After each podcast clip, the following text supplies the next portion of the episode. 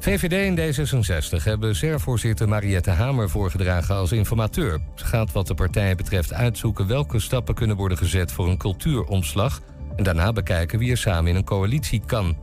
Haar naam was gisteren al uitgelekt en in het debat van vandaag over de formatie... zei Farid Azarkan van Denk dat dus waarschijnlijk allang is beklonken... wie er op welke plekken komen. Ze wordt Sigrid Kaag volgens hem vicepremier. De zonnestudio's zijn boos omdat ze nog steeds niet open mogen, ondanks dat er versoepelingen aankomen. Ze vinden het niet uit te leggen dat prostituees wel aan de slag kunnen en binnensporten ook weer mag, maar zonne niet. Volgens de zonnestudio's hebben mensen hun eigen schone ruimte en is er nauwelijks contact met personeel. Het aantal coronapatiënten in ziekenhuizen is fors gedaald. Er liggen er nu 2345 en dat zijn er 135 minder dan gisteren. Het is de grootste daling in één dag sinds 1 januari. Vooral de verpleegafdelingen zien mensen vertrekken en op de IC's gaat het ook goed. Daar daalde het aantal coronapatiënten voor de zevende dag op rij. En het ontruimde politiebureau in Helmond is weer open. Tientallen agenten moesten naar buiten toen er een verdacht voorwerp werd afgegeven. En dat bleek een granaat te zijn. Bomexperts hebben hem inmiddels weggehaald. Het weer zonnig en droog, maar aan het eind van de middag. Thema beveiliging staat voor betrokkenheid, adequate optreden en betrouwbaarheid. Waar de concurrent stopt, gaat thema beveiliging net een stap verder. Thema Beveiliging levert alle vormen van beveiliging voor zowel de zakelijke als de particuliere markt. Thema Beveiliging, de beveiligingsorganisatie van het Oosten. Telefoon 053 4800 560 of stuur uw e-mail naar info@themabeveiliging.nl. Iedereen verlangt naar een leven zonder coronaregels. Vaccineren is hierin de belangrijkste stap. En die stap komt steeds dichterbij. Elk vaccin dat straks is goedgekeurd, is op tienduizenden mensen getest. Zo weten we zeker dat het ons goed beschermt tegen het virus. En ook veilig is. Als we ons laten vaccineren, krijgen we stapje voor stapje meer vrijheid terug. Het is begrijpelijk als je vragen hebt. Antwoorden vind je op coronavaccinatie.nl. Twente. Weet wat er speelt in Twente. Iedere dag praten we hierbij over alles wat er in Twente gebeurt. Via radio, tv en online. 1 Twente. De knuffels die na de vuurwerkramp massaal bij de schuttingen rond de rampplek werden gelegd, zijn nu tentoongesteld. Ja, de Caritas-instelling van de Hengeloze parochie De Goede Herder kon haar geld afgelopen jaar niet kwijt aan de armen. Dus worden zorgmedewerkers gesteund met krentenweggen. De FNV vraagt met een ludieke actie aandacht voor de allereerste CAO voor mensen met een arbeidsbeperking ooit. En wethouder Kampman over de ruim 400 ton aan onterechte geïnde bijstandsboetes die terugbetaald gaan worden. Het is woensdag 12 mei en dit is 120 vandaag. Morgen is het 21 jaar geleden dat Enschede een van de grootste rampen in de geschiedenis van de stad meemaakte. En dat waren er nogal wat. Een brand, een aantal enorme explosies en een complete wijk weggevaagd. Enschede kan er niet over uitgepraat raken. Iedere Enschede heeft zo zijn eigen verhaal, zijn eigen perspectief. Ter gelegenheid van de herdenking van de vuurwerkramp is er nu een app gemaakt... waarmee geïnteresseerden een uh, route door de wijk Roombeek kunnen lopen. Die route is uitgezet met GPS-markers op bijzondere plekken in de wijk. In de studio is een van de makers van die app, Jasper Schutz. Jasper, goedemiddag. Goeiedag. Staat jouw verhaal erin? Nou, mijn verhaal staat er persoonlijk niet in. Wat zou jouw eh, verhaal zijn? Uh, dat ik niet in Enschede was op dat moment. Dus dat is een heel saai verhaal in vergelijking met de andere verhalen die uh, op dit moment in de app staan. Maar ongetwijfeld weet jij ook waar je was toen. En wat ja, je... dat, dat klopt. Want het was de dag voor moederdag. En ja, als goede zoon was ik bij mijn moeder in Linschoten, in het westen van het land. waarbij wij de nieuwsbeelden zagen en de, ja, de ontwikkelingen natuurlijk snel op de voet volgden. Um, maar ik was niet in Enschede. dus uh, ik woonde toen wel net in Enschede. Op dat moment uh, ben ik net begonnen met studeren op de Universiteit Twente. Uh, maar dat weekend was ik er niet. Ja. Hoe keek je daarna dan, naar die beelden? Wat was het voor jou voor moment? Um, ja, apart hè. een stukje herkenning. Dus ik denk van, hé, hey, Enschede, studeer ik. En dan tegelijkertijd zie je dat er hele, hele uh, grote dingen aan het gebeuren zijn die, uh, die ik helemaal niet associeer met Enschede en niet associeer met uh, de plek waar ik aan het studeren was. Um, dus ja, dat was heel surrealistisch. En langzaam kwamen natuurlijk steeds meer beelden ook naar buiten van hoe de stad eruit zag van binnen en wat er allemaal kapot was en zo. En dan langzaam ga je ook plekken herkennen waar dan vrienden van mij wonen en dat soort zaken. Dus dan ehm, ja, wordt het toch een keer wel iets persoonlijker. Dat, Mhm. eh, Maar je was er niet. Op dat moment maakte het eh, letterlijk en figuurlijk iets wat van een afstand mee. De verhalen die in deze nieuwe app terecht zijn gekomen, zijn denk ik van mensen die wat dichter op het vuur stonden. Ja, absoluut. absoluut. Ehm, de verhalen die in de app staan, dat zijn eh, verhalen van mensen die het echt eh, van dichtbij hebben meegemaakt. En voor sommige mensen is dat dat ze echt naast de rampplek stonden. Eh, en andere mensen die het hele proces hebben meegemaakt. eh, hoe bijvoorbeeld eh, de crisis opgelost moet worden die daarna ontstond. Of mensen die bezig zijn geweest om die, die veerkracht te activeren in de wijk. Of de wederopbouw een mooie plek te geven.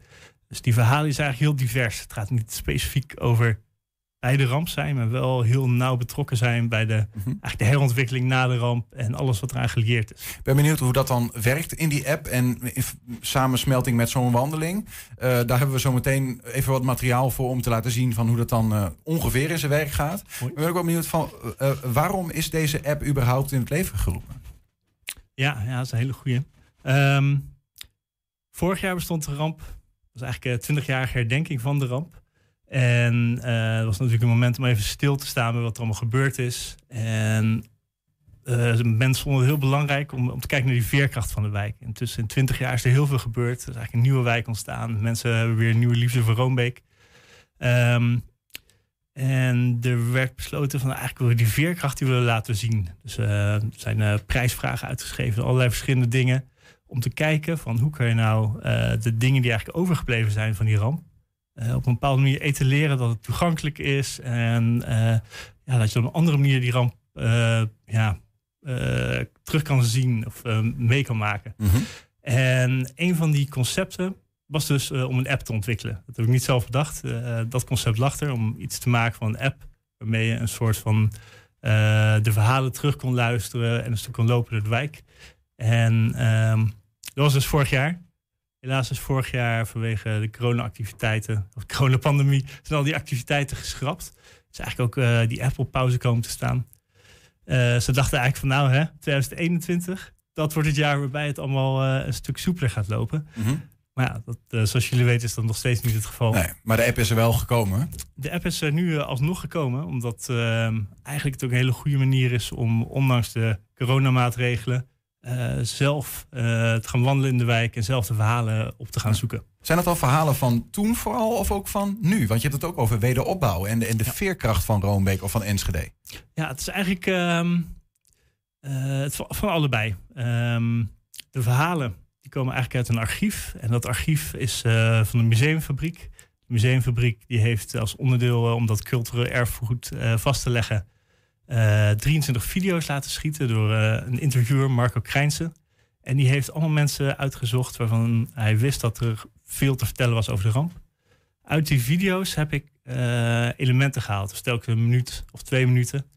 En probeer met die fragmenten eigenlijk een groter verhaal te vertellen. Ehm, dus- Laten we, laten we een kijkje nemen. We gaan Ja. even eh, in ons programma, in de app, eh, zo, zo, zoals die eruit ziet. En dan gewoon beginnen bij het begin. Roombeek, ten tijde van de vuurwerkramp. ja, dit is ehm, eh, eigenlijk welke het eh, plek? startscherm waar je terechtkomt. Wat je nu op de achtergrond hoort. Gaan we dieper in op de gebeurtenissen rond de vuurwerkramp en krijg je een audiofragment te horen van een persoon die de vuurwerkramp van dichtbij meegemaakt heeft. Ja, dit is even de introductie, zeg maar. Ja, exact. En eh, dit is Els, die hoort, de vertelstem. En die neemt je mee eigenlijk op dat hele verhaal. Je gaat langs twaalf punten. Eh dit is punt 1 bij Prismare. En eh, hier eh, vertelt ze wat er gebeurd is tijdens de vuurwerkramp. En als je iets verder bent in het fragment, dan hoor je eigenlijk dat hele beroemde fragment van eh, Danny de Vries. Waarbij hij inbelt als student, eh, reporter voor RTV Oost. We hebben een stukje van. Ja? Even luisteren. Iets verderop. Daarom schakelen we over naar radio RTV Oost, waar student-verslaggever Danny de Vries geëmotioneerd inbelt in de nieuwsuitzending vlak nadat de eerste grote ontploffingen zijn geweest. Op de achtergrond hoor je het vuurwerk nog de lucht ingaan. Auto's tot ver in de omtrek, al het is eruit. Mensen zijn in paniek. Mensen lopen met, met, met wonden, met glasscherven. En noem het allemaal. Het is hier echt ja, ik wil niet overdrijven, maar het is echt één groot oorlogsgebied lijkt wel. Het is hier vreselijk. Er zijn diverse panden in de binnenstad van Enschede, bij de grosfabriek, dus eh, helemaal in de fik. Overal, maar dan ook echt overal liggen dagpannen af. Ik sta nu zeker, nou, misschien wel uh, 5, 6, 7, 800 meter van, uh, van, van het uh, gebeuren af in de Kwartelstraat, in de Merelstraat. Het is echt, echt het is ongelooflijk wat hier gebeurt. Het is, het is niet te beschrijven dit. Ja, joh. Ik heb dit fragment uh, in mijn leven heel vaak gezien, maar het ja. emotioneert me nog steeds als ik het hoor. Ja, ja. dat kan ik me helemaal voorstellen. Dat, ja. Je hoort het ook echt zo in zijn stem. Dat het, hij kan gewoon niet bevatten wat er op dat moment gebeurt. Nee. Nee. En, uh, dit is natuurlijk een, een, nieuwsbericht. De andere verhalen in de app zijn uh, de persoonlijke verhalen van mensen. Um, maar daar is die beleving misschien wel net zo intens, omdat iedereen vanuit zijn eigen persoonlijke visie vertelt wat ze gezien hebben, hoe ze meegemaakt hebben. En hoe maar is dat dan nu, nu, opgenomen, zeg maar, de herinnering die ze nu hebben aan toen bij een bepaalde plek? Moet ik dat zo zien? Nee, het is. Um, ik denk dat je het zo moet zien dat um, uh, Marco, die interviewer, die heeft een uur lang materiaal opgenomen waarbij hij gevraagd heeft: wie ben je en waar was je tijdens de ramp? Nou, precies de vraag die je mij ook gesteld hebt. En daar komt eigenlijk al heel snel een heel verhaal uit, waarbij mensen aan het vertellen zijn van hoe het was, hoe die ontwikkelingen zijn geweest, dat ze bij mee hebben gemaakt. En daarbij gaat het eigenlijk heel, heel snel van begin naar nu. En Mhm. die verhalen die zijn uh, vorig jaar opgenomen, dit jaar. Dus uh, die zijn eigenlijk heel actueel, waarbij er wel teruggeblikt wordt naar het verleden. En die zijn opgenomen op die plek waar je op dat moment op de wandeling bent? Want je ziet het ook in beeld, denk ik dan, toch? Uh, nee, nee de, de video's is eigenlijk een los iets. En dat, uh, dat is een videoarchief van de museumfabriek. En dat is ook een gesloten archief. In principe is dat niet bedoeld voor publiek. Uh, dus ik, ja, we waren ook heel uh, gelukkig dat we daar elementen uit mochten halen. Uh, en in de app mochten gebruiken. En dat mocht natuurlijk niet zomaar. In de app is het audio. In de app is het audio. Ja, ja, ja je, je, wandelt en je hoort in audio wat mensen mee hebben gemaakt. En dat is dat dan wel gelieerd aan bepaalde plekken op die wandeling, zeg maar? Dat ze ook echt zeggen van, ja, ik was op dat moment in de Tollenstraat of... Um, niet altijd. Sommige mensen laten wel terugkomen. Uh, bijvoorbeeld Jacques Trog, hij is de, de ex-directeur van de Koninklijke Grols. Die vertelt over zijn ervaringen als directeur tijdens en na de ramp, ook bij de brouwerij. Dus als je daar bij de brouwerijlocatie bent, dan hoor je ook dat verhaal. Ja, ja. Um, een andere, Martin Brouwer, hij is leraar. hij was hier aan het werk op de zaterdag. Um, en dat verhaal van hem als leraar in die school, waarbij hij nog wat nakijkwerk aan het doen was dat vertellen we ook bij een school. Dus we proberen het wel die link te maken. Ja. Maar uiteindelijk, de relatie tussen voor de ramp en na de ramp, die is best wel vaag. Dus je, je ziet ook niet automatisch van dit heeft hier plaatsgevonden of dit heeft daar plaatsgevonden. Is, is, is, is bijna een, een cruel vraag uh, misschien wel, maar, maar wat was voor jou het meest indrukwekkende verhaal? Ja, dat vind ik een hele moeilijke. Um, daar heb ik met, uh, met mijn collega ook heel veel over gehad. We, samen met Bart-Jan heb ik dit uh, concept gebouwd. En we hebben vaak gesproken over van wat is nou echt het meest intense verhaal en wat, wat is nou het diepste. Maar eigenlijk is dat er niet. Iedereen heeft gewoon zijn eigen beleving van dat, Mhm. van dat moment. Uh, je hebt natuurlijk een politieagent die vanuit hulpvraag zeg dat gebied binnenkomt. Uh, maar je hebt bijvoorbeeld ook uh, Pieter Bruin, die de, de architect is uh, van de wijk Roombeek, die zijn verhaal vertelt. Eigenlijk is het allemaal heel pakkend en ja, vol beleving en vol gevoel uh, verteld. Er is niemand die maar een beetje aan het aanrommelen was en uh, dit moet het worden. Ja, je krijgt ook hele nieuw, nieuwe inzichten, denk ik wel. Als je het hebt over mensen die uh, in de grolsfabriek aan het werk waren of wat dan ook. Ja, misschien heb je hun verhaal nog nooit echt op die manier gehoord. Nee, precies. Ik denk ook dat als mensen de route gaan lopen, dat ze stukken gaan horen van wat er allemaal gebeurd is rond de ramp. Die ze nog niet eerder gehoord hebben. En of dat nou in de, de ontwikkeling daarna is of de daadwerkelijke explosie zelf. Wie zou moeten gaan lopen? Um, ja, uh, ik denk dat er heel veel doelgroepen zijn. Um, het is natuurlijk heel leuk als je wat interesse hebt voor de vuurwerkramp. En um, ja, dan kan je zo maar echt die plekken aflopen en je kan die verhalen horen, wat al heel interessant is. je kan het ook zien als een leuke wandeling. Uh, je kan het ook zien als uh, sommige mensen die kennen ook al die mensen die in die app zitten. En dat, maakt natuurlijk nog, nog een stukje persoonlijker. Ja, ja. Um, om nou één specifieke doelgroep aan te wijzen, vind ik wat moeilijk. Ik nee. denk dat iedereen die een affiniteit heeft voor de ramp, uh, dat sowieso heel interessant gaat vinden. Waar vinden we hem? Hoe vinden we hem? Um, hij staat in de uh, Android Play Store en in de iOS uh, App Store. Mm -hmm. um, de, de app heet Vuurwerkramp Verhalen. Dus zoek even op vuurwerkramp. vuurwerkrampverhalen, ja, dan kom je hem tegen. Als je naar www.vuurwerkrampverhalen.nl gaat, dan hebben we daar alvast een linkje voor je klaargezet. Dan kan je al even gaan kijken. Hij blijft nog even bestaan, hè, de app? Ehm, nou, hij is dus beschikbaar alleen deze maand. Dus Ah. eh, tijdens de herdenkingsmaand is hij beschikbaar. En eh, ik denk dat we hem daarna ook nog laten bestaan. Maar dat moeten we goed overleg doen. We willen eigenlijk eens even kijken van hoe het eh landt. En om te kijken van in die herdenkingsmaand wordt hij gebruikt. En hoe reageren mensen erop.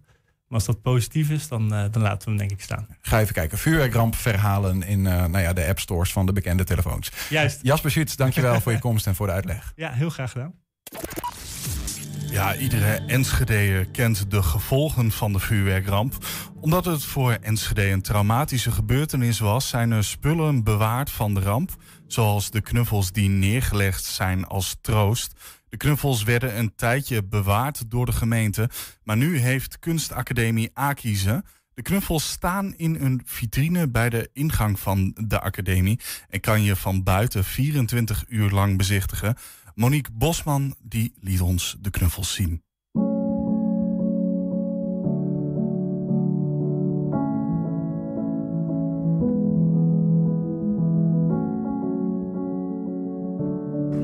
Wat we hier zien is een eh, vitrine. En in die vitrine zitten heel veel knuffels, heel erg veel.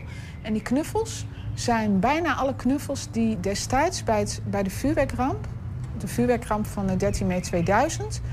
eh, spontaan zijn neergelegd. Toen die ramp geschiedde, toen was het gebied in eerste instantie helemaal eh, beschermd. Mocht niemand naar binnen. Er was ook asbestgevaar onder andere. En er was, ja, het was gewoon gevaarlijk, explosiegevaar van alles.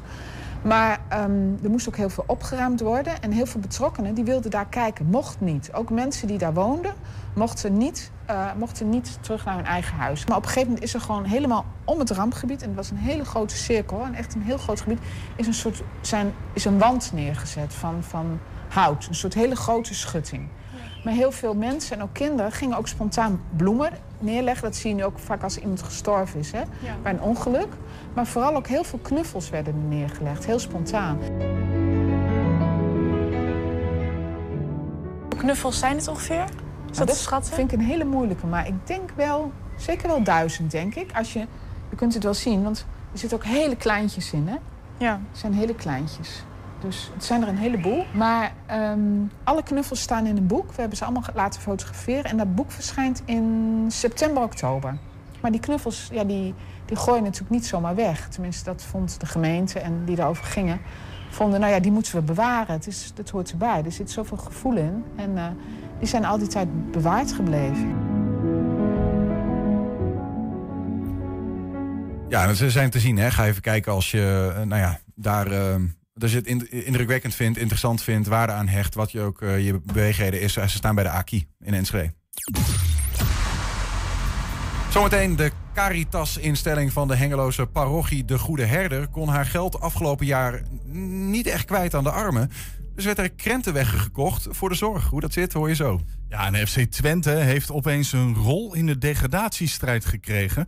Twee, we- eh, twee wedstrijden deze week en beide tegenstanders strijden nog voor lijfsbehoud. Zondag wacht de thuiswedstrijd tegen ADO Den Haag. Maar eerst staat morgen de uitwedstrijd tegen RKC op het programma. Zelf is FC Twente achterop geraakt in de strijd om de play-offs voor Europees voetbal. En daarom lijkt het seizoen er na deze week voor hen op te zitten. Je voelt wat dat het einde eh, nadert. En eh, soms denk je van, eh, ja, dat kun je ook wel zien. En soms ja, dan denk je van, ah, we, we moeten gewoon nog een keer die overwinningen pakken. Nou ja, dan hebben we morgen weer een kans. Waar het nu om gaat is dat je knokt voor elke plek op de ranglijst. En dat je weer op zoek gaat. We hebben nog twee wedstrijden. En we hebben geloof ik tien wedstrijden achter elkaar niet gewonnen. Nou, dat, dat gevoel van winnen is zo lekker. Dus ja, we, we, moeten, we, we hebben nog twee kansen. En ja, liefst pak je ze allebei eh, morgen in Waalwijk. En daar hebben we nog een appeltje mee te schillen. Want eh, Ja. thuis eh, ja, ging dat niet goed. Ja, is, werkt dat ook echt zo dat je dan denkt, verdorie, dan wil ik nog even... eh, Nou ja, ik weet niet of dat helpt. Maar je probeert altijd alles om ja, de jongens in een zo goed mogelijke gemoedstoestand te brengen. Nu gaan jullie ineens een, ook nog een rol spelen in uh, de degradatiestrijd. Is, is, dat raar of hebben jullie daar zelf helemaal niks mee? Want dat ligt natuurlijk dan bij je tegenstanders. Nou, maar...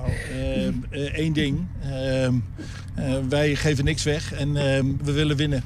En ik hoop dat we dat op het veld laten zien. En wat dat voor gevolgen heeft voor degradatie. Ja, ehm, wij, eh, als wij eh, play-offs eh, missen, dan is het onze eigen schuld. Hebben we te veel laten liggen. En als ploegen degraderen, dan moeten ze zelf hun punten pakken. En ehm, liefst niet tegen ons. Jouw zoon is de perschef bij ADO Den Haag. Ja. Hoe gaat dat er in uh, de familie Jans nu aan toe? Nou, gisteren heeft hij mij gebeld dat hij door iedereen wordt aangesproken. Uh, gesproken, en dat hij maar moet regelen dat, uh, dat ze winnen bij Twente. Alleen, ja, daar gaat de trainer niet een, een rol in, in, spelen, denk ik. Maar morgen is het ADO Willem 2. Ik denk dat dat echt een, een, nerveus potje zal, zal worden. Dus we moeten het eerst zelf maar eens doen. Maar wij spelen eerst in de RKC, dus dat, dat, is, van, dat is van later zorg. Nu, um, voor de wedstrijd tegen Heracles zei je al... ja misschien gaan we wel ingrijpen. Dat gebeurde ook. Um, je hebt dat ook wel eens gedaan om spelers te prikkelen. Bijvoorbeeld bij Danilo eerder dit seizoen. Was dat nu deze week met een Narsing, een Menig... ook bedoeld om hen ook wat te prikkelen? Ja, maar het heeft ook te maken met, met wat je gewoon laat zien in de, in, in de wedstrijden. En uh, we hebben wel meer gekozen voor zeg maar, um, mentaliteit en, en strijd en duels en tweede ballen. En, en ja, dan, dat, dat alles bij elkaar maak je, maak je je keuzes. Maar dat heeft ook wel eens te maken dat, ja, ik vind die menig... Uh, ik vond de laatste wedstrijden, de invalbeurt was goed. Maar daarvoor vond ik hem ook gewoon niet goed. En ook niet giftig genoeg. En dan, dan kan het misschien ook wel uh, prikkelend zijn. Maar Quincy, uh, ja, die hoort gewoon in, uh, in de basishelft eigenlijk. Ja, dat was dus trainer van FC Twente, Ron Jans, die je hoorde.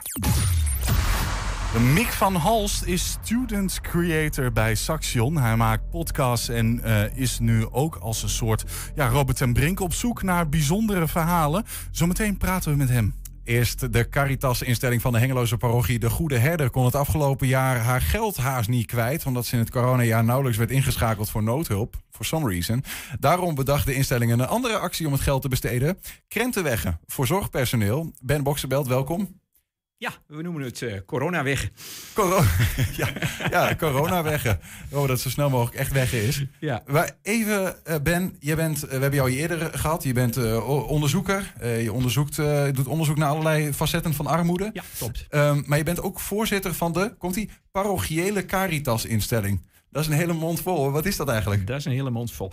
Nou, de, de, uh, elke parochie in Nederland heeft eigenlijk een parochiële caritas-instelling of een werkgroep. Het is een, een, een zelfstandig uh, um, rechtspersoon binnen de parochie. Mm -hmm.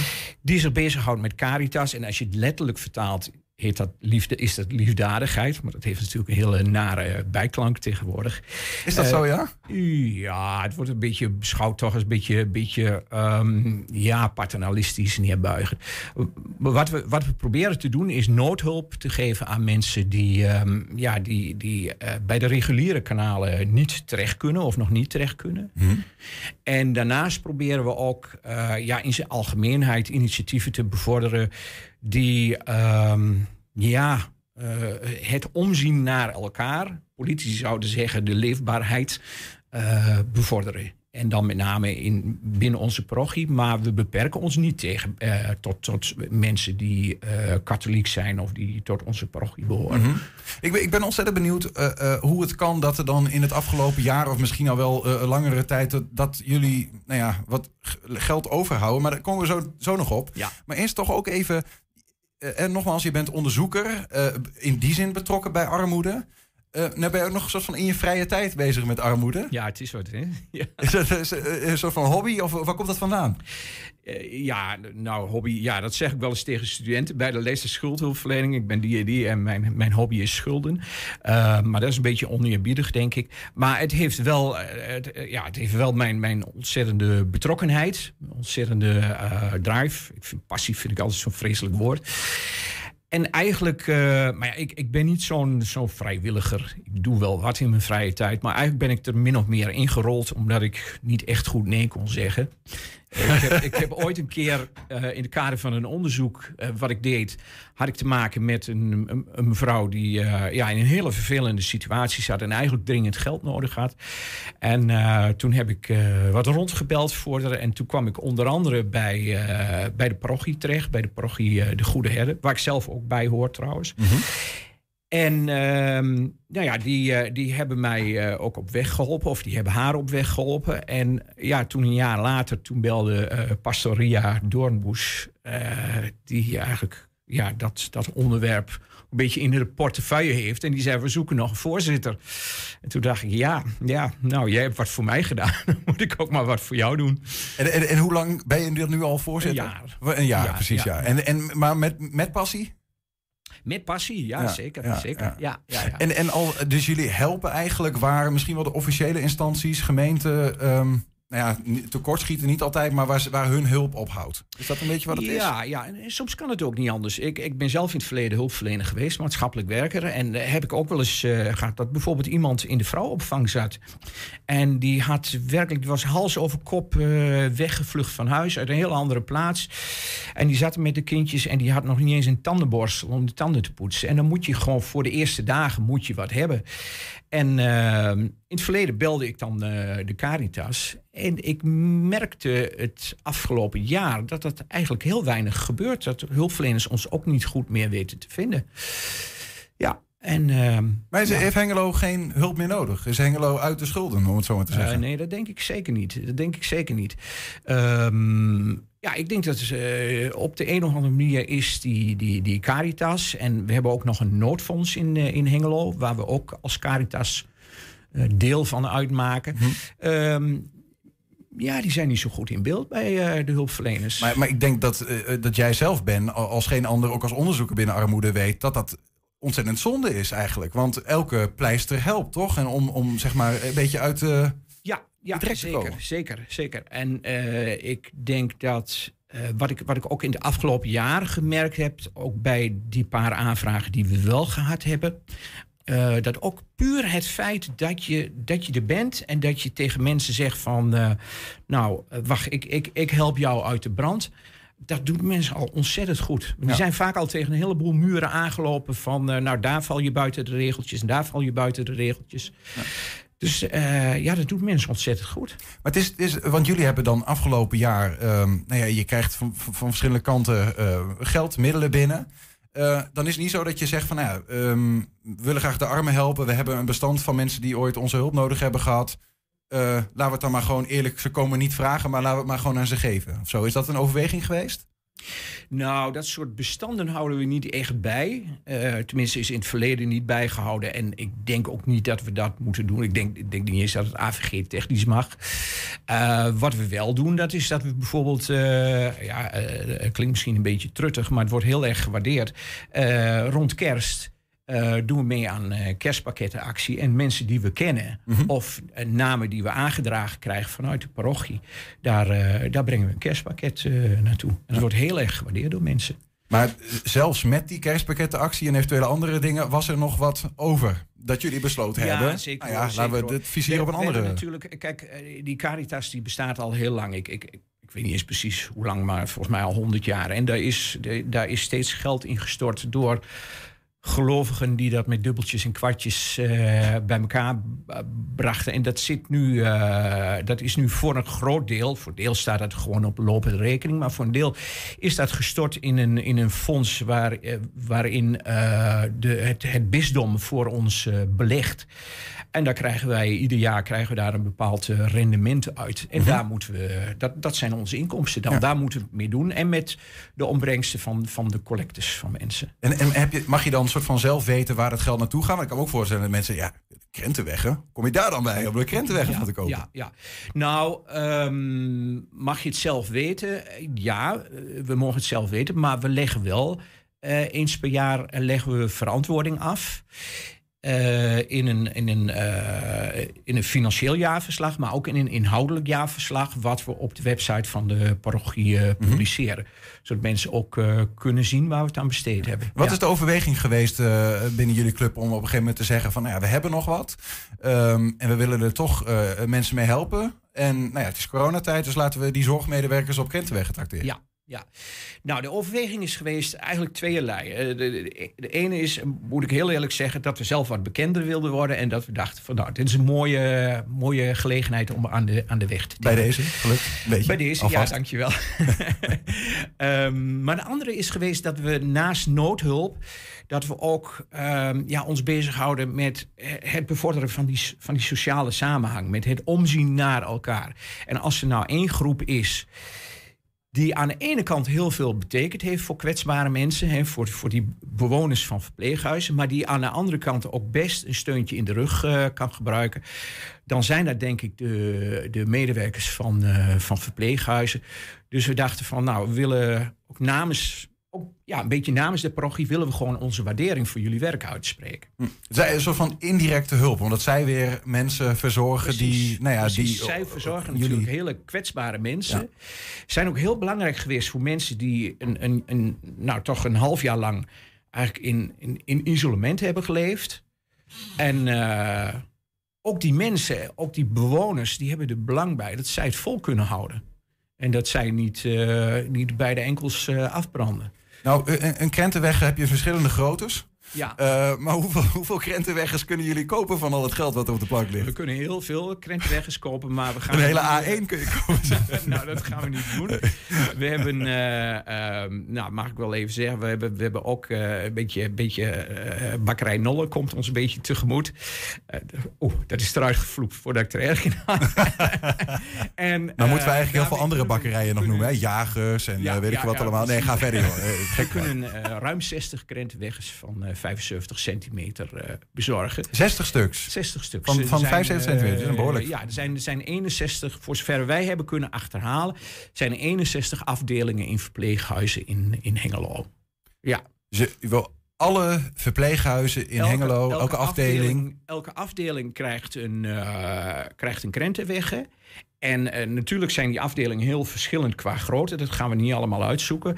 Dus als, eh, als, als, eh, qua personeelsbestand bedoel ik.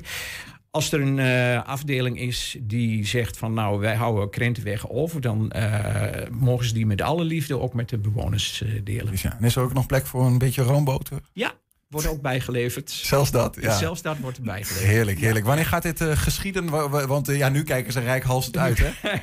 Dus, eh, ja. nou, ik zou nog niet. ik zou ondertussen nog wel gewoon een boterhammetje smeren. we gaan. we gaan de bedoeling is om dat volgende week vrijdag en zaterdag rond te gaan brengen. Dus de, de dagen voor Pinksteren. Mooi. Ja. Mooie actie. Ja. Dankjewel. Ben Boxenbelt was bij ons de voorzitter van, ik ga maar even, de parochiële Caritas-instelling eh, van eh, de Goede Herder in Hengelo. Dankjewel. Graag gedaan. Succes met de actie ook. Dank je. Ja. Ja, zometeen Ernst Bergboer. Ik heb hem al zien staan met de laatste corona-updates van de veiligheidsregio Twente. Eerst naar Mick van Halst, de 22-jarige Hengeloer is eh, student creator bij Saxion Hogeschool.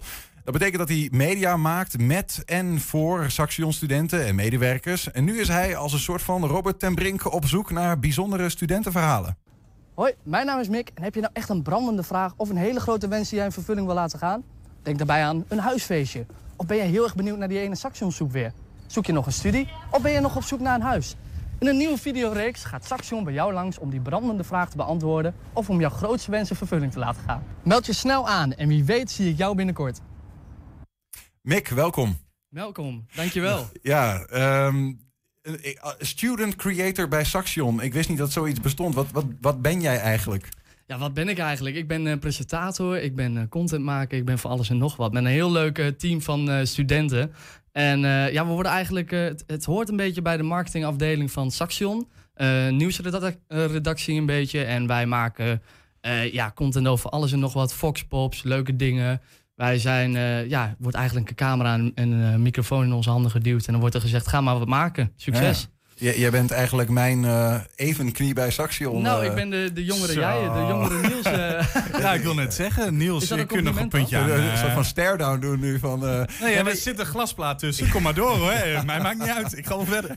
hey, maar Mick, je, je bent op zoek naar verhalen. Ehm, de, de vragen die je in de video stelt: van, nou ja, eh, ben, je, ben je misschien op zoek naar een nieuwe liefde binnen Saxion? Of Ja. heb je iemand überhaupt door de coronatijd al lang niet gezien? Het klinkt als een vrij breed avontuur wat jullie nu aangaan. Jazeker, jazeker. En dat is ook het mooie. Saxion die is natuurlijk de hele tijd op zoek naar andere leuke items. En zo ook nu weer zijn ze bezig met Saxion Samen of Saxion on Tour. Mhm. En eh, nou ja, het staat nog een beetje, marketingafdeling is volgens mij nog een beetje mee bezig. Maar ik, eh, hoe ik het kreeg is de vraag van, wij willen een Robert en Brink, All You Need Is Love type of eh, serie een beetje maken.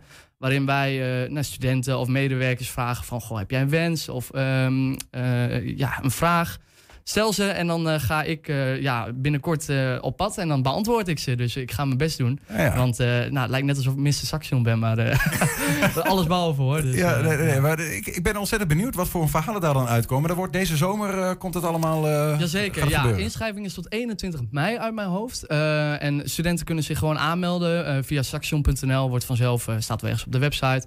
En ja, als je iemand in het daglicht wil zetten... of heb je een wens, heb een vraag over hoe die soep wordt gemaakt in de kantine... weet ik veel wat, Mhm. stel ze lekker. Ik ga ze voor je uitvogelen. Dus Ja, ja, ja. ja heel leuk. Nou ja, dus de- heb, heb je, weet je of er al wat vragen binnen zijn eh, gekomen? Nee, dat weet ik niet. We krijgen binnenkort hebben we een meeting en dan wordt van alles besproken. En dan eh, hoop ik ook eh, leuk op de hoogte gebracht te worden. Dus, Ja, eh, nou ja, hou ons ook op de hoogte van wat er allemaal gebeurt binnen Saxion. Je doet nog meer dingen. Ehm hey, je zou al reportages maken alsof van razende reporter. Nee, dat zal tegenwoordig denk ik wat minder zijn. Want ja, er gebeurt niet zoveel in school. Nee. De laatste tijd weer wat meer. Maar... Nee, nee, tegenwoordig is dat wat minder. Voorheen eh, eh, was het wel heel leuk, want dan eh, werd... eh, of nou ja, het kan tegenwoordig wel iets meer, Foxpops. Maar eh eh, Foxpop is relatief makkelijk. Je hebt een vraag en je gaat op pad en je probeert leuke content te schieten. En we proberen ook daarvoor... Wat, wat, wat doe je dan? Wat is een Foxpop? Een Foxpop is gewoon, eh, nee, je gaat met camera en microfoon op pad met een leuke vraag, actueel iets. Eh, nou, laatst was het moederdag en dan nou, ga je de, de, de school door eh, om aan studenten te vragen, nou, hoe heb jij dat gevierd met je moeder? Eh, en dan probeer je daar leuk een gesprek eh, goed te anticiperen op elkaar en leuke content uit te En halen. waar laat je Dus, dat eh, wel zien dan? ja, dat komt op, op de Facebook van Saxion of op de website of op de YouTube. Dat soort dingen. Een beetje actualiteitsdingetjes. En die zijn Mhm. nog wel relatief makkelijk te maken. Maar voorheen maakten we dus ook andere content waar wat meer tijd in zit. En dat is wel heel leuk. We hebben bijvoorbeeld, we hadden voorheen twee presentatoren en hebben we dan ook een miniserie van gemaakt. Want ik was toen nieuw en hij was een oudere presentator. Presentator. En toen hebben we een serie gemaakt, dat heette Lars versus Mick. En dan, eh, nou, dat soort dingetjes, dat is gewoon grappig. Gingen we rennen door de school en hadden we een lijst met punten die we moesten verzamelen. Eh, maak een selfie met eh, vijf leerlingen, is één punt. Nou, zo'n zo'n serie, eh, ja, dat vind ik persoonlijk wel leuk. Er zit wat meer tijd in, dat is wat meer lachje. Maar is het ook vooral voor jullie lol? Of zit er ook nog een soort van grotere gedachte achter? Want het is door Saxion min of meer geïnitieerd. Van, hey, Ja. kunnen jullie iets voor ons maken? Nee, wat willen is ze ermee? Het is, dat is het mooie er ook van. Ik word ook echt, er wordt ook echt wel ons de vrijheid gegeven om, om met ideeën te komen. Er zit natuurlijk wel iemand tussen ter con- controle. Mhm. Maar als ik nou morgen zoiets heb van... ik wil graag een serie maken, een wat serie. Een soort van datingprogramma.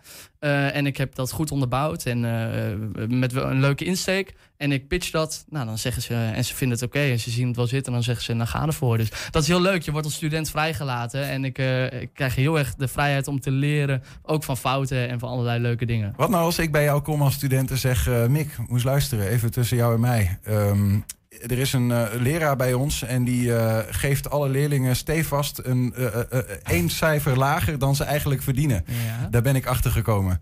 Ga je daar dan ook op zitten? Ben je ook die kritische journalist binnen dat de is wel school? leuk, hè? Dat is wel leuk. Nee, ik ben op dit moment ben ik nog de, de gangmakende journa- journalist of presentator. Ik, nee, echt met kritische dingen, politiek of echt juridisch of echt rechtelijke dingen, daar ben ik nog niet echt mee bezig van wat, wat nou zeg maar echt eerlijk is. Dus tot nu toe is het nog een beetje gezelligheid en eh, leuk, vrolijk oude allemaal. Je maakt ook podcasts met, eh, met studenten. Ja, zeker. En ehm, eh, ongeveer een uur waarin je met ze praat. Ja.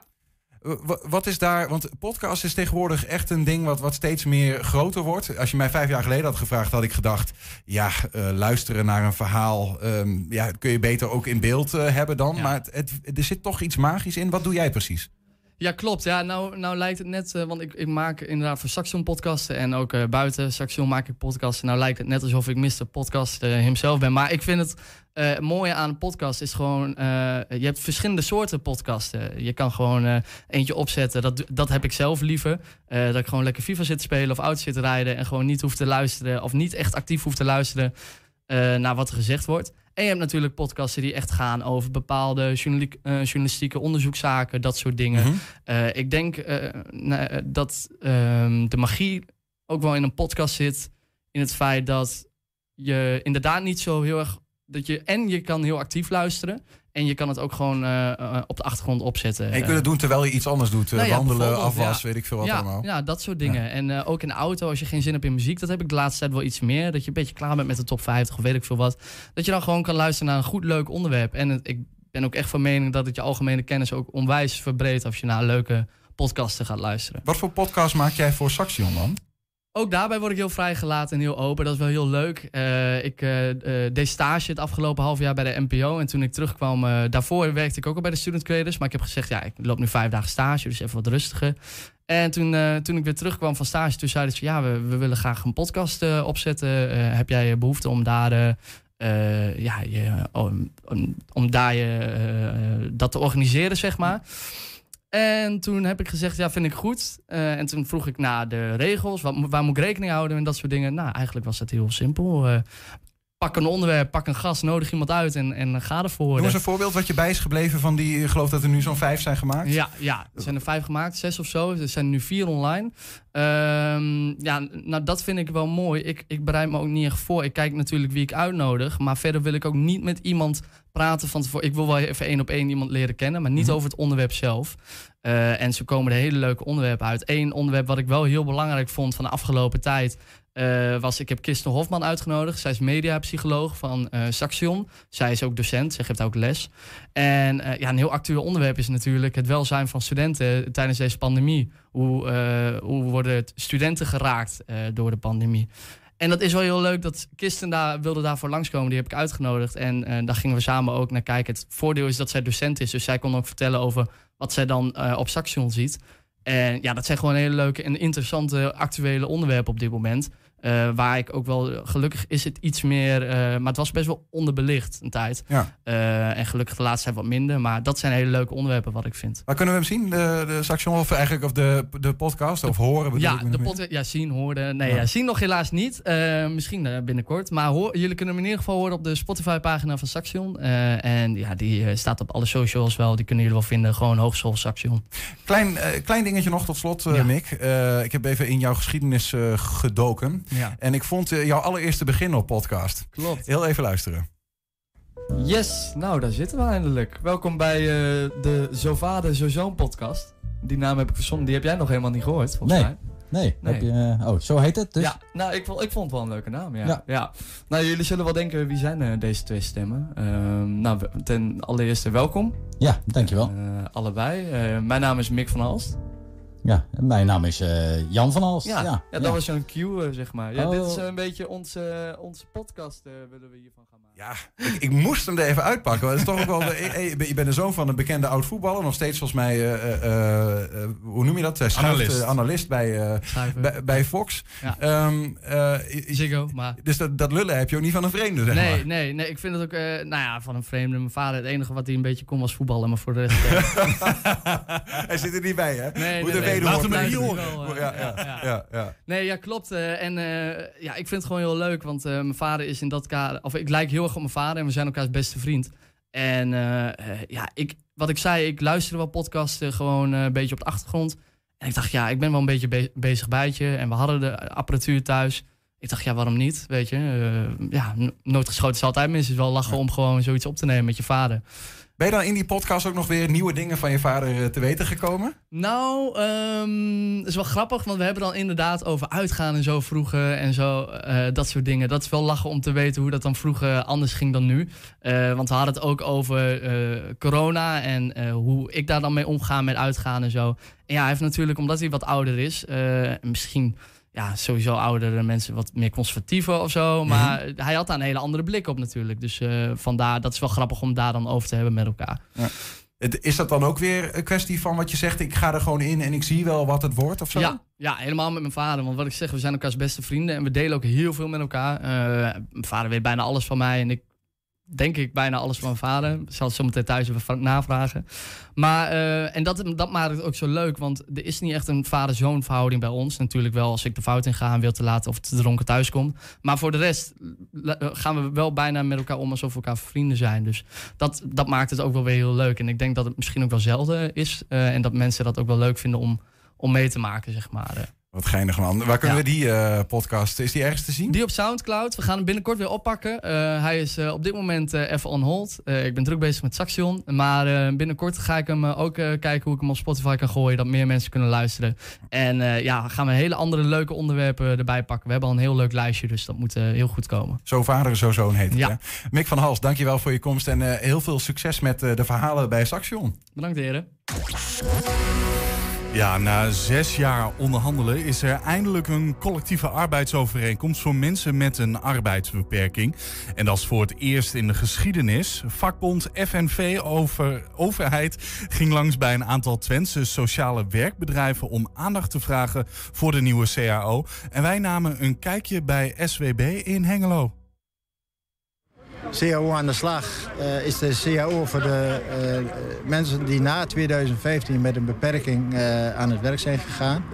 Dat zijn zogenaamde peerwetters. Alleen je hebt peerwetters met beperking en zonder beperking. En wij, dit- deze CAO is voor mensen met een beperking. Ja, het, biedt, echt mooie kansen voor de toekomst. We hebben hier een jaar op gewacht. Vanaf 2015 werken we al zonder een CAO voor deze groep. En ja, dat geeft in de praktijk mensen een gevoel van onzekerheid. Het feit dat we die zekerheid nu hebben, met kansen voor de toekomst... eh, dat is de grootste eh, positieve bijkomstigheid van dit. Eh, wat brengt deze CAO voor deze medewerkers? Eh, het belangrijkste vind ik altijd een pensioen. Zodat ze na hun pensionering ook een extra zakje met geld hebben. Want Anders hebben ze kaal lauw weer. Dat is de belangrijk, een van de belangrijkste. Twee jaar terugkeergarantie. Stel dat het even niet lukt bij dat bedrijf. Kunnen ze hier weer aankloppen. Binnen twee jaar hebben ze weer een job. Met het oude loon erbij. Er zit een klein stukje eh, loonontwikkeling in. En tot maximaal 118% van het minimumloon. Uh, de medewerkers die nu nog een uh, tijdelijke pakket van arbeidsvoorwaarden hebben, krijgen nu, vallen gaan nu echt vallen onder deze nieuwe vorm van CAO.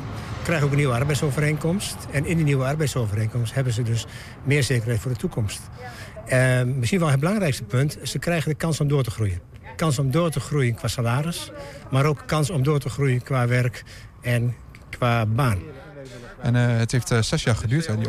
Ja, want de, de, de VNG wilde niet eerder met ons aan tafel. We hebben heel veel acties gevoerd bij uh, VNG-congressen, bij gemeenteraden, bij, bij van alles en nog wat. Ja, en uiteindelijk heeft dat geresulteerd dat, dat politiek ook wel vond dat mensen rechten hadden. Want ja, je kunt de, de, de wet veranderen, de, de SW dicht doen, maar dat wil niet zeggen dat er geen mensen met beperking geboren worden. Wij gaan door, bij alle 92 SW-bedrijven op bezoek en sommigen doen mee of de meesten doen mee en sommigen niet. Maar daar gaan we wel naartoe om een foto te maken... zodat ze kunnen zien dat we er geweest zijn. We gaan bij elk bedrijf langs om, om die CAO onder aandacht te brengen. Om, en we laden dan twee mensen vanuit de doelgroep, vanuit de peerwet... twee kralen rijgen en de, de, de naam van hun bedrijf... zodat ze ook betrokken worden. Zodat ze weten, het is mijn CAO straks. En wij gaan voor hun vechten. Onze leden hebben allemaal een stemkaart gekregen. En diegenen die nu vandaag lid worden... hadden toevallig vanmorgen drie bij deze weer die lid zijn geworden... die mogen meestemmen. En die mogen uh, uh, ons laten weten of ze het eens zijn met datgene wat wij gedaan hebben. En als de meerderheid voorstemt... dan hebben we per 1 juli een CAO. Dat is een historische gebeurtenissen daar. Ja. Dan, gisteren stuurde BNW een brief naar de Enschedeze gemeenteraad... met de melding dat 90% van de bijstandsboetes... die van 2013 tot en met 2015 zijn opgelegd in Enschede, niet klopte. Het ministerie heeft na een uitspraak van de Centrale Raad van Beroep... zeg maar de hoogste bestuursrechter op sociaal domeingebied... opdracht gegeven om de boetes over die periode opnieuw te beoordelen... In Enschede gaat het om zo'n 700 bijstandsgerechtigden. Met die herziening is een bedrag van ruim 400.000 euro gemoeid. Aangeschoven is verantwoordelijk wethouder Arjan Kampman. Welkom. Ja, dankjewel. Enschede deelde onterecht hoge boetes uh, uit. Wat waren dat eigenlijk voor boetes? Nou, het is goed om te zeggen, het begint al met Enschede deelde te hoge boetes uit. Dus ik denk het goed te zeggen uh, dat het rijksregelingen betreft. Het is een regeling in de, de participatiewet. Een onderdeel daarvan was als je bepaalde zaken uh, niet deed, dat je dan boetes opgelegd konden worden. Dat had te maken met informatieplicht en dat soort zaken. En uh, dat is in die periode ook gebeurd. Dat betekende dat je zo een maand lang geen uitkering kon, uh, kon krijgen als voorbeeld. Mm -hmm. En nou, dat moesten wij gewoon uitvoeren. Daar hadden we ook als Enschede geen enkele beleidsruimte in. ook geen enkele keuze in. En nou, dat hebben we gedaan. Uiteindelijk is er een landelijke rechtszaak geweest. En uiteindelijk heeft die rechtszaak erin uitgemond dat in moet even goed zeggen, in maart, 2000, nee, in ja, maart 2019 er een uitspraak is uh, gedaan dat het uh, onterecht was en dat we dingen moesten gaan, uh, dat moesten gaan herzien. -hmm. En dat betreft niet alleen Enschede, dat betreft alle gemeentes in, in Nederland. Nou, ik heb de gemeenteraad daar ook destijds over geïnformeerd. Hè. We moesten even afwachten, wat gaat het Rijk nu doen? Dan duurt het dus van tot bijna begin 2020 voordat het Rijk kwam. Nou, dan is dit de nieuwe manier waarop je dat moet doen. Toen zijn we een project uh, gestart om dat uh, aan te pakken. We hebben als Enschede ruimer gedaan dan uh, de wet het voorschrijft. En de wet zegt, ja, als mensen al betaald hebben, dan hoef je er niet meer achteraan. Als ze dat geld terug willen, als mensen geld terug willen, moeten ze zichzelf maar gaan, gaan melden. Mm -hmm. Het waren allemaal onderdelen van die uitspraken. Wij hebben gezegd, nee, dat gaan we niet doen.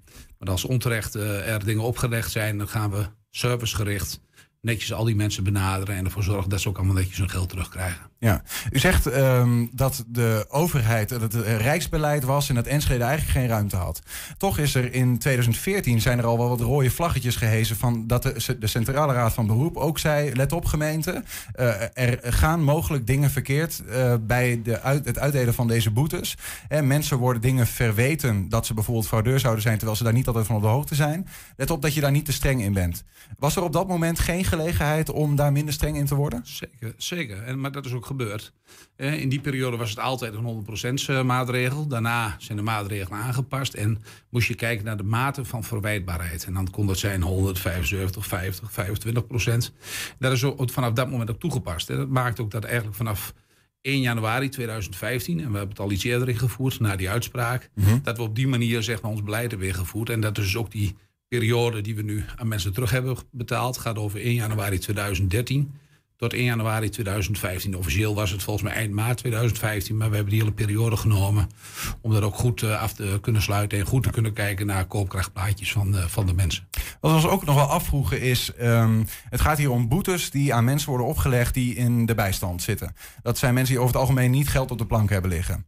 Wat er dan gebeurt soms is dat als die mensen een boete krijgen, dat er dan geld wordt ingevorderd uh, tot aan de zogeheten beslagvrije voet. 90% van de bijstand, daaronder mag je niks weghalen, om het zo maar te zeggen. In hoeverre, want het, in hoeverre zijn die boetes ook echt, zeg maar, is er geld weggehaald? Of zijn het vooral boetes die op papier bestaan, maar die nooit echt zijn uh, geïnd? Nee, dat, uh, bij een aantal mensen die hebben gewoon een maand geen uitkering gehad. En dat was in die tijd, leeft daar maar van. Zo zat die wet ook in elkaar, zo zat die participatiewet uh, ook in elkaar. Daar is na die tijd, na die uitspraak, is daar verandering gekomen naar mate van verwijtbaarheid. Dus mm -hmm. mensen moesten het echt periodes met veel minder geld doen. Beslagvrije voeten en dat soort zaken, die zijn pas veel later zijn die uh, dominant ingevoerd. Uh, er staat overigens los van het feit, hè, dit, dit moeten wij gewoon uitvoeren. Ik heb het hier ook wel eens vaker gezegd. Dat is los van het feit hoe ik daar uh, persoonlijk in sta als wethouder. Want kijk, die participatiewet is op heel veel terreinen veel te streng. En is te streng op het gebied van maatregelen, is het streng op het gebied van boete. Mm -hmm. Er zit een beetje de gedachte van wantrouwen zit, zit eronder. En ja. Ja, dat moet er echt onderweg. Ja, maar de, toch even de, de concrete, want het gaat om op papier in ieder geval om, geloof ik, 427.000 euro. Nou, ruim 400.000 euro.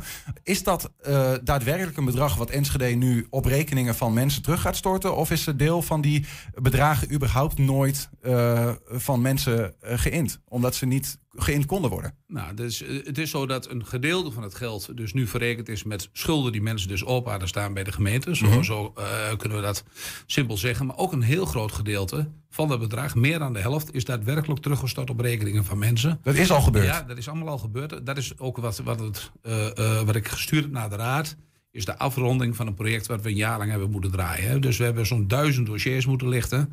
Uh, uh, dan moet je je voorstellen dat duizend dossiers allemaal individueel maatwerk is. Bij niet iedereen is het hetzelfde. Overal is de uitgangspositie anders. De een betreft het jaar, de andere betreft het meerdere jaren. Dus dat, dat is heel goed om daar naar uh, te kijken. En Dus we hebben ook uh, meer dan de helft van het geld is ook netjes teruggestort op rekeningen van mensen. In de brief aan de gemeenteraad um, werd onder meer het woord barmhartigheid genoemd. Daar zijn een aantal raadsleden nou, die, die vallen daarover omdat ze zeggen: ja, barmhartigheid. Um, uh, in 2014 werd er al uh, gevlekt, toen heeft de gemeente daar niks mee gedaan. Um, en is het ook niet gewoon de vraag: is het niet gewoon rechtvaardigheid in plaats van barmhartigheid? Nou, het, de, de barmhartigheid zeg maar, die uh, erin zit, is dat wij uh, breder hebben gekregen dan onze opdracht was. Als wij feitelijk dit ook volgens alleen maar de wettelijke uitspraak hadden uitgevoerd, mm -hmm. dan hadden we niks gedaan. We waren op onze kont gaan zitten. Was u gewacht? Hadden gewacht tot mensen zich hadden gemeld. Dan hadden we de mensen die netjes al betaald hadden niet gezegd: u krijgt uw geld terug, want dat zit niet in deze uitspraak. Dan hadden we dat geld gewoon zelf in de portemonnee kunnen houden. Mm -hmm. En wij hebben gezegd: als iets ten onrechte gebeurt, moet je daar ook ten onrechte voor zorgen dat je dat wil rechtzet. Ja. En die, die barmhartige kant zit er ook in dat we dat breder hebben gedaan dan de feitelijke wettelijke uitspraak was. En we hebben echt vanaf 2014 zijn ook in Enschede regels op dat gebied uh, aangepast. En uh, het is telkens de discussie in de volle breedte. Kijk, die barmhartigheid, waar ik in de volle breedte het over heb, is een probleem, dat heb ik vaak gezegd, moeten we in Den Haag oplossen. Dat is een probleem wat in die participatiewet zit, waar ik de afgelopen tijd ontzettend veel gesprekken over heb gehad. Onder andere met de minister, met meerdere mensen. Waar vandaag aan het einde van de dag hopelijk een brief over uitgaat naar -hmm. Uh, de gemeenteraad van Enschede. Om te laten zien wat we de afgelopen tijd erin hebben gedaan. Ik weet dat er medio mei waarschijnlijk een brief van uh, de minister richting de Tweede Kamer komt hierover. En we hebben ook een beetje de wind in de rug op dit moment van de toeslagenaffaire. om echt dit soort zaken goed onder de aandacht te ja, Meer die menselijke maat te krijgen. Ook vanuit Den Haag de mogelijkheden te krijgen. Maar dan vraag ik me wel af. Is Enschede dan... Um, zijn er zijn alle gemeenten hebben die moeten wachten tot 2019 om, dit, om deze handschoen op te pakken? Is Enschede een van de eerste die uh, op basis van deze uitspraak van de Centrale Raad van Beroep mensen gaat terugbetalen? Of is, waar zit Enschede eigenlijk in die, in die lijn? Nou, Enschede, wij zitten bij de koplopers als het gaat om terugbetalen. Uh, ik heb geen idee. Misschien dat heel veel gemeentes de keuze hebben gemaakt, wij doen niets. En we wachten wel af of met een piepsysteem of mensen zich melden. Dat zou maar zo kunnen. Ik weet dat er een paar gemeenten zijn die hebben gekozen ook voor deze aanpak. Ik weet ook dat de grotere gemeentes daar ook trajecten voor meer dan een jaar vooruit hebben moeten trekken om dat goed te doen. Ik heb ook vorig jaar maart de gemeenteraad daar netjes over geïnformeerd wat we gingen doen. Hoeveel geld daar mogelijk mee gemoeid zou zijn. Mm -hmm. En wat het ook vraagt van, uh, van uh, de organisatie zelf. Uh, ik, ik durf, het niet, durf het niet te zeggen. Ik bedoel, ik hoef niet op andere bellen. Maar ik zou zeggen, bel, bel rond door het land en, ja, ja. en, en, en, vraag het. Nee, maar dus de uitspraak van die, van die Centrale Raad van Beroep in 2014... Um, uh, daar, kon u eigenlijk, daar kon uw college ook eigenlijk niks mee in die tijd, toen er een andere verantwoordelijk wethouder zat. Nee, daar konden, daar konden we niet zoveel mee. Je was door de wet gebonden om het ja. zo streng te doen. Ja, het enige wat je kon doen, hè, dat is toen gezegd, kijk nu naar de mate van verwijtbaarheid. Dus is ruimte gekomen toen, in plaats van standaard 100% te doen, 75 of 50% mm -hmm. uh, zeg maar, een, een boete op uh, te leggen. Dat is zeg maar wat het destijds, en dat hebben we ook netjes ingevoerd. Vandaar dat ook wettelijk weer netjes voldeden vanaf 1 januari 2015 aan hoe het moest volgens de participatiewet. Dus dat is vanaf dat moment uh, uh, is dat weer keurig gegaan. Die, die uh, barmhartige instelling die er nu wordt gekozen, meer die menselijke maat, is dat een instelling van Kantman of van het Enschedeze College? Nee, dat is een instelling van het Enschedeze College. Dat hebben we afgesproken in het coalitieakkoord met elkaar. Die menselijke maat. En daar waar wetten of regels die menselijke maat in de weg zitten, hebben wij altijd gezegd, moeten we ze oplossen op de plekken waar ze opgelost kunnen worden. En een aantal zaken kunnen we in Enschede oplossen. We hebben de maatregelenvorming mm -hmm. bijvoorbeeld uh, stevig uh, aangepakt en uh, verminderd. Dat hebben we op nog een aantal zaken hebben gedaan. We zijn echt aan het kijken naar maatwerk, maar soms zit een wet in de weg. En dan moet ik naar Den Haag toe, om daar samen met mijn collega's die gelijksgestemd zijn in, in Nederland, proberen data aan te pakken. Hoe zit dat met de uitspraak van de Centrale Raad van Beroep als het gaat om uh, de thuiszorghulp? Hè? De, de schoonmaakhulp die eigenlijk uh, ging van een urenaantal wat mensen hadden, thuiszorg, waarin, waarmee, waarvoor het schoongemaakt thuis, naar eigenlijk een soort van doelmatig van we gaan, niet, we gaan voor een, een schoon huis. En als een schoon huis in een, in een uur kan, dan krijgt u een uur. Daarvan zei de Centrale Raad van Beroep, dat moet u terugdraaien. Enschede, u moet weer gaan op uurbasis zeg maar, die thuiszorghulp gaan geven. Is dat dan ook iets waar uh, proactief nu de inwoners voor worden benaderd? Die barmhartige aanpak? Nee, maar het gaat op dezelfde, dezelfde manier. Er zijn heel veel mensen die er helemaal iets van merken, ook in die thuiszorg. En datzelfde zien we ook op een aantal andere plekken. Vaak gaat het om een aantal uitzonderingen die we, die we tegenkomen. Mm -hmm. Als mensen graag uren geïndiceerd willen hebben, dan is dat prima. Er zijn ook heel veel mensen die zeggen: nee, schoon huis is voor mij prima, want ik ben erg tevreden. Er zullen misschien ook wel mensen zijn die door deze bijstandsboetes zeggen... heb ik helemaal geen last meer van, prima. Maar die hebben toch geld gekregen? Die hebben toch geld gekregen. Die uh, misschien uh, uiteindelijk gewoon uh, inmiddels weer aan het werk zijn. in die periode misschien een mindere periode hadden. Mm -hmm. Maar nu gewoon geld hebben gekregen, dat klopt. Maar als u dan zegt dat is een collegebrede aanpak die we willen hanteren... dan is het toch logisch, logisch om dat ook binnen dit thuiszorgvraagstuk te doen? Om mensen proactief te benaderen vanuit het college... in plaats van dat je wacht totdat die mensen zelf vragen om hun recht? Nou ja, dit is, dit is, dit is uh, een vraagstuk hoe je, hoe je daar naar, uh, naar kijkt. Hè. Dit gaat echt, wat we nu hebben gedaan, gaat echt over teruggeven van geld. Wat wij gewoon geïnd hebben, of wat we nog te goed hadden van mensen. Zo stond het in de boeken, dat hebben we nu teruggegeven. Mm -hmm. Het andere zit heel erg in dat je nu bij nieuwe indicaties daar ook uh, rekening mee houdt. Als mensen maar dit is iets waarvan de Centrale Raad van Beroep heeft gezegd... Ja. die mensen hebben recht op ja. een urenaantal. Ja. En toch zegt de Enschede, als, u, als u vindt dat u die uren nodig hebt, komt u maar. Ja. Maar zegt niet, u hebt er recht op, we geven het u gewoon. Ja, dat is, dat is de aanpak waar wij voor hebben uh, gekozen. Wij uh, weten dat de mensen uh, weten dat als ze dit willen, dat we daar onmiddellijk werk van maken. Als wij een complete herindicatie-procedure zouden moeten starten, dan is, gaat er onmiddellijk ontzettend veel tijd en energie gaat daar ook in zitten. We weten dat ook vanuit de cijfers dat echt het meer dan overgrote gedeelte in Enschede zeer tevreden is over de zorg die ze krijgen en ook de ondersteuning die ze mm -hmm. krijgen. We weten dat op een aantal plekken de dingen niet goed gaan, maar dat is breed in het uh, sociale domein is dat zo. Dit is allemaal mensenwerk. Mm. En als je mensenwerk hebt, dan is het, worden er soms ook fouten gemaakt, gaan dingen niet helemaal scherp uh, genoeg. Uh, maar het beeld is toch echt, en dat wijzen ook allerlei onderzoeken die we doen bij, bij de doelgroepen uit, dat de mensen gewoon over het algemeen gewoon, gewoon prima tevreden zijn over wat wij doen. En of het nou gaat om bijstand, of het nou gaat om de WMO, of het nou gaat om de jeugdzorg. In de volle breedte zie je dat mensen gewoon over het algemeen gewoon heel goed tevreden zijn. En uh, nou, daar, daar doen wij het voor. En elke dag werken we eraan om de dingen nog een beetje beter te doen. Maar dat is niet een kwestie van we veranderen even een procedure of we geven een paar uurtjes. Het gaat ook om wat gebeurt er dan daadwerkelijk in dat huis.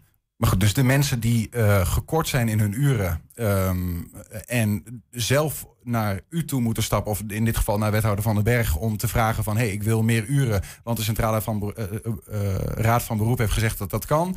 Um, die, nou ja, dat piepsysteem zoals je het noemt, um, hoort binnen, wat u betreft binnen die barmhartige aanpak, die nieuwe aanpak van het college. Ja, en als, als daar andere signalen uitkomen dat het daardoor niet goed gaat, of dat, dat er dingen scheef lopen. Nou, dat zijn de zaken dat we weer. En die gaan we bespreken met, uh, met elkaar.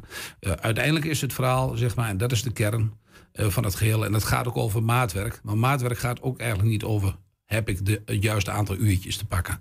Of moeten we daar de hele dag... Maar het gaat er gewoon om rechtvaardigheid. Als de hoogste ja. bestuursrechten, die hebben, dat zijn mensen die verstand hebben van recht. Ja. Als die zeggen, dit is wat rechtvaardig is. Die mensen hebben recht op hun uren. Ja. En Enschede geeft ze niet, maar wacht totdat die mensen ervoor komen vragen. Dat is toch, dat, dan kun je toch vraagtekens stellen bij het feit dat dat een barmhartige aanpak is. Of in ieder geval een rechtvaardige aanpak. Ja, wij denken dat dit een rechtvaardige aanpak is als het gaat om uh, uh, de aanpak bij uh, de huishoudelijke ondersteuning. Wij denken dat het een rechtvaardige aanpak is, omdat wij ook weten dat heel veel mensen, die zitten er gewoon helemaal niet op uh, te wachten. Om nu het weer te hebben of uren of wat dan ook. Die zijn tevreden met het feit dat hun huis gewoon prima schoongemaakt wordt. Uh, dat, ze, dat, ze, dat er gewoon gebeurt wat, er, wat er nodig is. En voor de mensen die het belangrijk vinden dat ze echt uren krijgen. Dat ze zeggen, ik wil het uurtje hebben omdat ik gewoon op de stoel wil zitten. En iemand gaat een uur en een kwartier bij mij thuis schoonmaken. En dan ben ik tevreden. Of twee uur en drie kwartier schoonmaken ben ik tevreden. Als hij maar die periode in huis is. Ja, dat kan. Nou, dan geven we u het aantal uren waar u, waar u recht op uh, heeft. En een stukje bij beetje zal het zo zijn dat de indicaties tweeledig worden gegeven. Hè? Dus uiteindelijk zal het allemaal naar, naar uren uh, gaan met, met de tijd. Dingen faseren uit. De nieuwe gaan allemaal met, uh, met uren uh, gepaard. En de mensen die uh, zelf uren wilden hebben, die hebben uren gekregen. Tot slot nog even terug naar die um, eigenlijk te hoge bijstandsboetes. Um, door Rijksbeleid zegt u uiteindelijk heeft u die moeten geven. Het is nu teruggedraaid. Um, in, is er, in hoeverre zijn er mensen door die boetes uiteindelijk in grote problemen gekomen? Namelijk dat ze schulden hebben opgebouwd doordat die onterechte boetes waren opgelegd. Heeft u daar een beeld van? Hebben we geen, uh, nee, heb ik geen, uh, geen beeld van uh, of dat zo is. ik denk dat de bedragen waar we het over moeten hebben, zeg maar, om, om, om daar een goed beeld van te krijgen. Het kan op zijn dat iemand dus een keer 500 euro niet heeft gekregen. Nou is 500 euro veel geld. Uh, maar een 500 euro niet hebben gekregen, dat heeft niet gemaakt, dat is mijn beeld daarbij, dat mensen in hele grote problemen zijn gekomen. Als je stelselmatig een aantal maanden achter elkaar niets krijgt, dan gaan mensen heel snel in de problemen uh, uh, komen. Mm nee, dat, dat, dat beeld hebben we niet. Nee, en u heeft ook niet het idee dat dat het geval is. Nee, Mocht dat zo zijn, um, is de gemeente dan bereid om die mensen ook voor de extra geleden schade te compenseren? Nou, dat, dat klinkt er maar zo als ik ja zeg. Hè. Uh, wij, wij, wij zullen altijd kijken, als er daardoor dermate grote problemen zijn ontstaan, dat die 500 euro net een trigger is geweest, dat mensen echt diep in de shit zijn, terecht zijn gekomen, dan zijn we altijd bereid om met mensen te praten. Dat is hetzelfde wat we nu doen. Dat is ook weer in het kader van Rijksbeleid. Maar lokaal moeten we het fixen. Lokaal mhm. moeten we het uitvoeren. Ook bij de mensen die uh, bij de toeslagenaffaire, zeg maar, uh, de Sjaak uh, zijn geweest. Al die mensen in Enschede die we kennen, die begeleiden we inmiddels. Die hebben we allemaal, proberen die zo goed mogelijk te ondersteunen. En dat is van hele kleine verhalen. Waar mensen zeggen, ik heb gewoon een geldgoed en dat wil ik gewoon netjes krijgen tot mensen die diep in de shit zijn terechtgekomen, mm -hmm. die hun huis kwijt zijn geraakt, waar hele andere vraagstukken spelen, waar we hele psychische zorg moeten regelen. En we proberen overal op maat ja. daar de mensen bij uh, te helpen. Want uh, uh, vermosseld worden in de molen van de overheid is een van de ergste dingen die je kan, kan overkomen. Ja. Toch nog één vraag over dat op maat helpen dan van mensen. Over die, die thuiszorghulp. Um, u zegt eigenlijk van, het, we, we hebben nu gekozen voor als mensen daar extra uren willen hebben, uh, dan moeten ze naar, naar, naar ons toe komen. Um, is er ooit aan mensen gevraagd uh, wat zij daar eigenlijk in willen, proactief vanuit de gemeente? Of zij tevreden zijn met de huishoudhulp die ze nu hebben, met die schoonmaakhulp, of dat ze meer nodig hebben en ook dus waar ze recht op hebben? Dat uh, zijn we verplicht om dat zelfs jaarlijks te monitoren. En er is net weer een. Wat betekent dat monitoren? Nou, monitoren is dat we gewoon onder de groep eh, mensen uitvragen hoe tevreden bent u over uh, uh, hetgeen wij leveren. en dat, dat doen we ook netjes. We hebben toevallig net, volgens mij is het afgelopen week, of die week ervoor zelfs, is het in het college geweest. Hoe het zit ten aanzien van de, de huishoudelijke ondersteuning, maar ook ten aanzien van de jeugdzorg. Nou, daar komen gewoon prima, uh, prima uh, cijfers ook uit. Maar zijn dat cijfers of zijn dat echt personen die daaruit komen van... hé, hey, die mevrouw daar, uh, die heeft behoefte aan extra huishoudhulp... en ze heeft er recht op, dus we geven het er. We proberen een algemeen beeld te krijgen hoe tevreden zijn, zijn mensen. En dat, we zijn verplicht om dat nu een representatieve groep om dat uit te vragen. Dat doen we ook jaarlijks. Mm -hmm. dat hebben we nu ook Ja, maar daar gaat het even niet om. Het gaat erom, die mensen hebben recht ja. op, op meer uren huishoudhulp. Ja. En de vraag is even, is die mensen ooit ook proactief gevraagd. Heeft u daar behoefte aan? Gewoon op de man af. Uh, uh, nee, de mensen die nieuw komen, wordt dat, uh, wordt dat gevraagd, hè, zeg maar. En de mensen die echt uren willen, die hebben ook uren daadwerkelijk toegewezen gekregen. Zelfs daar is nog weer gedonder over. Dan is het weer een kwartiertje niet goed of is een half uurtje niet goed. maar ik heb geen mensen gehoord die zeggen van, ik heb gewoon een uur te veel. Ik heb het niet, niet nodig, zeg maar. Dat is de andere kant van het vraagstuk. En ik vind het eigenlijk een verschrikkelijk vraagstuk. Laat ik daar ook duidelijk over zijn, dat we het over uurtjes moeten hebben. Ik ben nog steeds een groot voorstander van gewoon schoon huis. je recht hebben, je recht claimen. Dit gaat over als je maatwerk wilt verlenen. Dat is hetzelfde. Volgens die participatiewet kan ik de mensen precies geven wat de wet zegt. Mm En kan ik precies doen wat ik doe. Alleen ik weet welke ellende er dan ook uh, verder uit, uit, voortkomt. Dat is waar ik knetterhard voor strijd. En dat is ook bij dit soort zaken. Maatwerk gaat niet over dat uurtje. Het gaat erover dat je misschien die week erop twee uurtjes nodig hebt. Of dat je een ander moment wat extra dingen doet. En dat je huis daadwerkelijk uh, schoon is. Want als uh, je 2,5 uur iemand krijgt die je huis schoonmaakt. Maar die werkt in een tempo waarin een ander dat misschien in een half uur kan. Dan is er nog niks gebeurd. Dus waar hecht je dan waarde aan? Als mensen echt waarde hechten aan die uurtjes, dan is dat prima. Het gaat er ons om dat mensen tevreden zijn over wat ze, wat ze krijgen. Dat het huis schoon is. En hetzelfde geldt bij alle. En dat, dat is de kant die we op moeten met elkaar. En als wij met elkaar alleen elkaar blijven bevechten over een uurtje daar of over een dingetje daar, dan is dat echt, wat mij betreft, mijn, mijn optie is dat echt een foute discussie. En als mensen hun recht willen claimen, claim je recht, dan zul je het ook gewoon netjes krijgen. Duidelijk verhaal. Wethouder Arjan Kamman, dank u wel. Graag gedaan. Ja, en tot zover 120 vandaag. Terugkijken, dat kan direct via 120.nl. Vanavond om 8 en 10 uur zijn we ook op televisie te zien. Morgen zijn wij niet op televisie te zien, want dan is er geen uitzending in verband met hemelvaart. Wel zie je s'avonds op ons televisiekanaal de Kaskraker-voorstelling Het Verzet Kraakt. Uh, dus ik kijk, ik ben er zelf geweest. Dat is, ja, was uh, mooi? Uh, ik ben er in 2017, volgens mij toen het uit was gekomen, geweest. Volgens mij strak uitverkocht. nou, die tribune zat echt bomvol en het was een beetje miseren, dus het was ook niet zo heel lekker weer. Ik heb trouwens jullie al nog een klein Nou dingetje. Om, morgen is natuurlijk donderdag en normaal zouden wij mensen aan tracteren op een Twents kwartier. Of eigenlijk juf Adrie. Ja. D- dat gaat dus niet, want we maken geen uitzending morgen. Ik loop de hele dag te huilen daarover. Maar we hebben een kleine tegemoetkoming. Een cadeautje, zoals je dat in Twente Right, zegt. oké. Een, een, een klein tweetje, wat toch wel geinig is om even mee te geven van eh, NS Twente. Die schrijven... Jij eh, gisteren ging de tweetje uit van NS Twente. Morgen kills en wichten. Een heel, eh, een heel weg er trein van Tubberg naar Sasel. Eh, volgens mij betekent dat zoveel als... de hele week loopt er geen trein van Tubbergen naar Saasveld. Waarop Hugo Bramer reageert... er is ook helemaal geen spoor tussen Tubbergen en Saasveld. en NS Twente heel goed terugkomt met... nou, dan klopt dat toch ook? Nou ja, dat, ik vind het leuk. En toch nog wat Twents meegepakt vandaag. Ehm, zometeen hier Henk Ketting met een gloednieuwe kettingreactie. En nou, we zijn nu toch al over tijd. Kan ik nog net zo goed één ding zeggen. Eh, Vanochtend heb ik bij onze collega's van het ochtendprogramma... zijn wij een beetje op de vingers getikt. Ah, we hebben semi op de vingers getikt. Wij noemden Henk gisteren namelijk een Zeeuwse bolus, eh, Niels. Eh, en dat vonden ze niet zo lief. Waarom niet? Weet ik niet, maar ga lekker genieten van onze Ja, wacht even. Henk. Ja. eh, eh, eh, pak even een microfoon. Ja, ik pak hem even. Ja. vind je dat erg? Nee, natuurlijk niet. Nou, hup, zijn we er toch uit? Nee, dan zijn we eruit. Als je denkt de afgelopen 10 minuten, wat klinkt Henk Ketting raar? Dat komt omdat wij nog steeds bezig zijn. Maar ga nu lekker genieten van de kettingreactie. Wij zeggen in ieder geval tot vrijdag. 1 Twente. Weet wat er speelt in Twente. Nu het ANP-nieuws. Ik ben Bas van Halderen. Goedemiddag. Het vertrouwen